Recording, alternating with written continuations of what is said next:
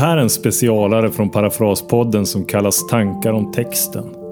Det är en kortare fundering runt en bibeltext, i detta fall Johannes 16, 23-33. Det hela är en tidigare publicerad inför helgen-text i tidningen Dagen. En text om att se längre och lite klarare i en kortsynt och dimmig tid.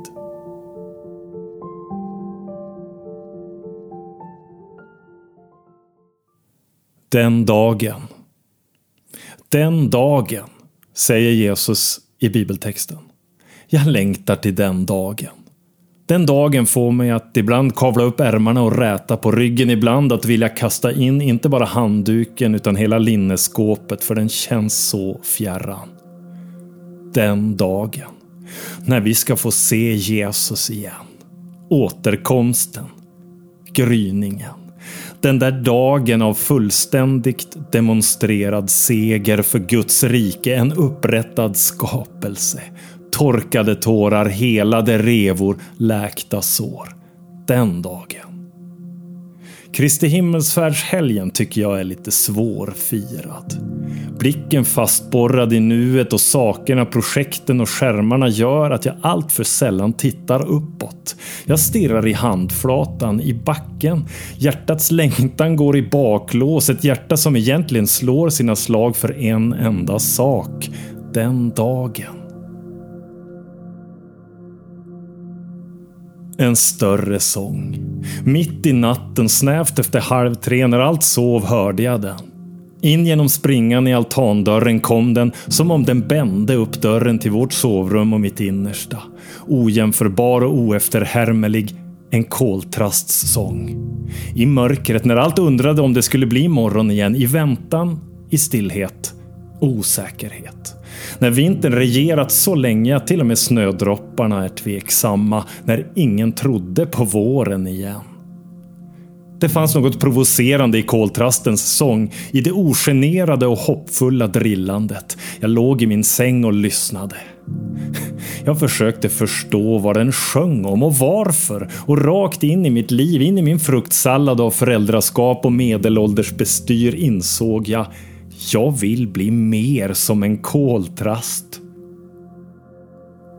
Koltrasten kommer tidigt på våren och sjunger innan gryningen. Den sjunger trots mörkret. Som om den vet att något annat väntar. Den sjunger och får andra att vakna. Den sjunger om något större än sig själv. Den är en del av en större berättelse. Vintern är på väg att ta slut. Nytt liv väntar och det är redan här. Ostoppbar odiskutabel och övertygande. En sång i natten. Trots och tröst i det svarta. Koltrösten.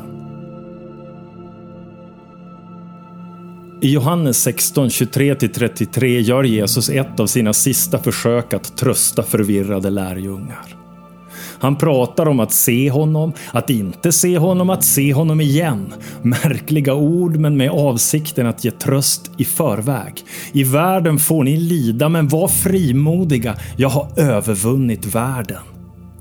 Det skulle inte förvåna mig om det sjöng en koltrast i ett semane just innan soldatskramlet och högförräderiet.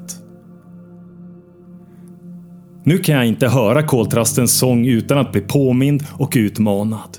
Den sjunger och lämnar en inbjudan åt mig att justera kompassen. Att inte lägga armarna i kors och undra hur det ska gå. Utan att ta allt jag fått och blivit och gång på gång på gång lämna mig tillbaka till Gud som skapat mig och ta aktiv del i riket som kommer.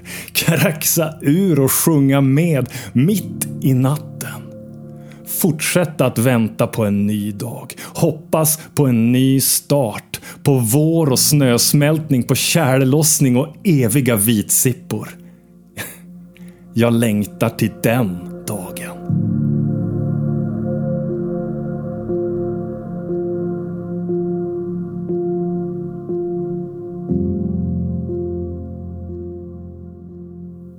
Den dagen kommer ni inte fråga mig om någonting. Sannerligen, jag säger er, vad ni ber Fadern om i mitt namn, det ska jag ge er. Ännu har ni inte bett om något i mitt namn. Be och ni ska få, så att er glädje blir fullkomlig.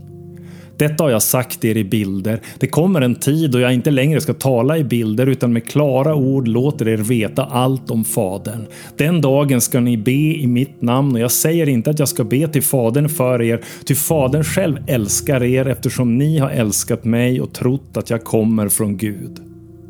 Jag kom från Fadern och trädde in i världen. Jag lämnar världen igen och går till Fadern. Lärjungarna sa, nu talar du med klara ord och inte i bilder. Nu vet vi att du vet allt. Du behöver inte höra någon fråga dig. Därför tror vi att du kommer från Gud. Jesus svarade, nu tror ni. Den stund kommer, den är redan inne då ni ska skingras var och en åt sitt håll och lämna mig ensam. Men jag är inte ensam eftersom Fadern är med mig. Detta har jag sagt er för att ni ska ha frid i mig. I världen får ni lida, men var inte oroliga. Jag har besegrat världen.